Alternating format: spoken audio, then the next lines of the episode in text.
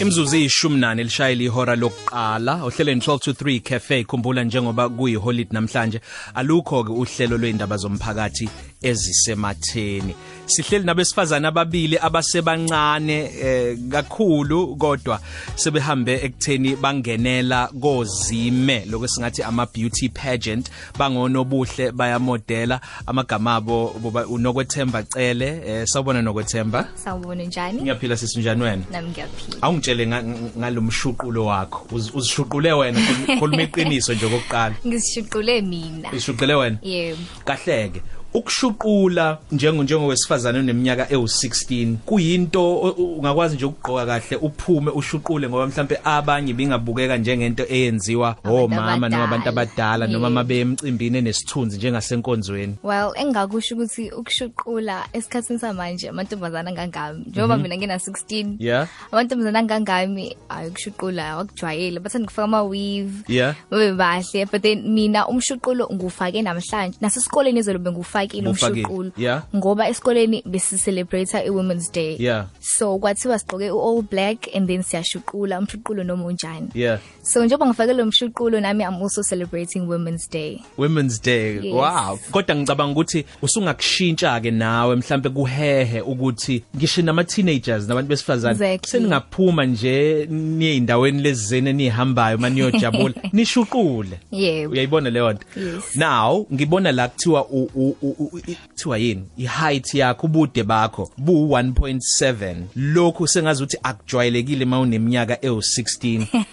Kuyiqiniso lokho? Kuyiqiniso. imake manje kuba khona izinto ezikhethwayo mawuzoba uzime noma uzomodela njengakho nje njengabo nje ubude bakho abanye othola ukuthi bangacinga bengangenanga ngoba ba- ababade njenganawe Bafishane, Mm, Yebo. yeah Well, esikhatsini esiningi uya- baya- babuye bebheke ukuthi umuntu engakanani kodwa kwesinye esikhatsini samanje sebeyavumela wonke umuntu banikeza wonke umuntu ithuba Mm. ukuthi ayibonakalise ukuthi yena ubani naye akwazi ukukhompitha nabanye abantu futhi manje yabo ngaphandle kobuthi angithi ekuqaleni umodela bekubheka ukuthi ume kanjani uyislender manje sekhona ngisho o plus size which is good because Yeah. like bamam- bamamukela wonke umuntu Yeah. yes mana ke mana ngiqale ngibingelele singaze sikhuluma kakhulu Khona- khona nonokuphiwa obuthelezi yena u1.72 meters una 25 sawubona sheng uyaphila wena Ngiyaphila njani? siyaphila Ngiyaphila. wena ushuqulile uyifakele iweave yakho kamnandi nje futhi akukho okunenki- ak- ayikho inkinga nalokho Ah kunankinga nalokho. Kuphi ekhaya? Ah ekhaya kithi kusolundi. Alright.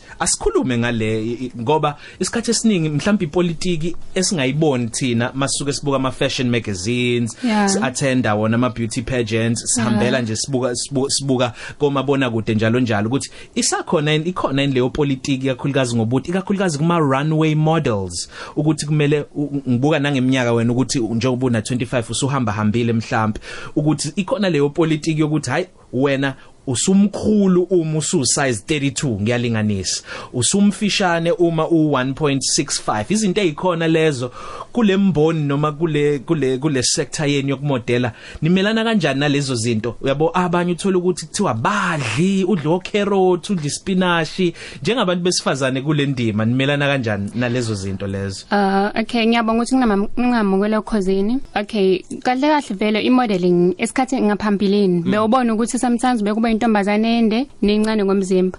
Kodwa njengamanje i-modeling isivulele kuwo wonke umuntu. Njengale beauty pageant engingenelile i-Impress South Africa. okay ivumeleke wonke umuntu ukuthi engangenela uzobona izidudla uzobona abantu abafishane uzobona abantu abade which means wonke umuntu uvumelekile umuntu wesifazane ukuthi azimbandakanye nale nale beauty pageant Alright. and it's not only about ubuhle it's about u- i-women empowerment Mm. you know?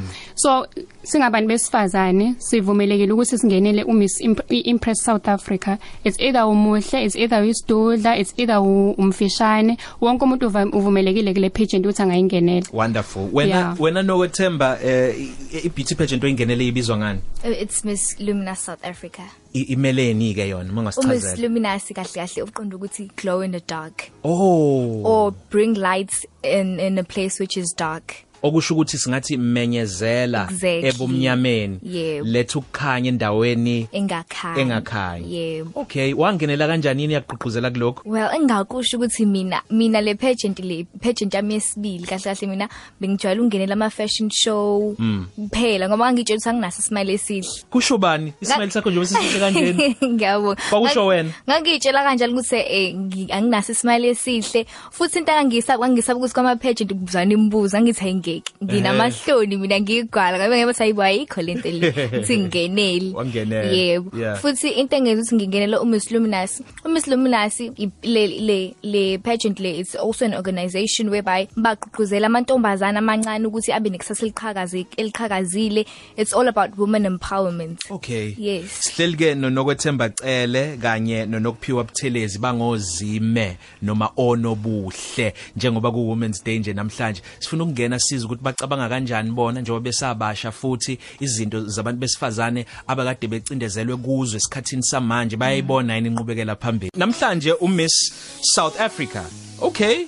Bengakunakile lokho kodwa uproducer uyangitshela ukuthi namhlanje uMiss South Africa ngikhumbula uMiss South Africa kwakuba yeminye yemicimbi noma zeinhlelo la khona njengoba sekwenzeka njengama award shows namhlanje isikhathi esiningi uthole ukuthi eh kusupportwa uKZN mawase KZN usupport uGauteng mawase Gauteng kangangoba kangangoba ngiyakhumbula kusukela ngo93 ukuthi kwawina ba angicabanga ukuthi kuze kufike ku98 93 kwawina uJackie Mfukeng owaba owokuqala om- omnyama yize wayeyikhaladi owawina ngo2002 kodwa omnyama nyama nyama ntsundu ekwaku Jackie Mfokeng ngo1993 1994 kwaba ubasetsana usebasetsana Khumalo 1995 ah, ngiyamkhohlwa lo sisi wekhaladi 1996 kwaba uPeggy Sue Khumalo 97 kwaba uKerish Ninaika hayi kwahamba kwahamba ke oJoanne Strauss angazibona sebafika phi yabazomi South Africa badlula angibazi yabazomi South Africa badlule wena Yebo, sisi yebo. oba ubakhumbulayo Ngiyazi Miss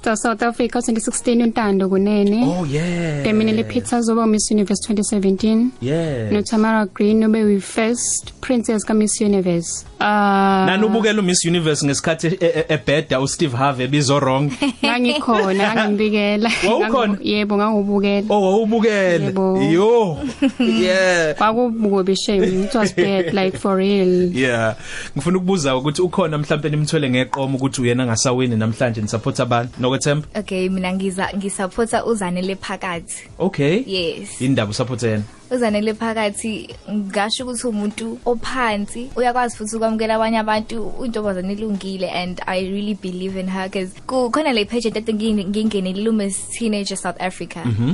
and then i won the title of Miss Teen KwaZulu Natal Wow, well yes done. and she was there and she was our mentor bamba njalo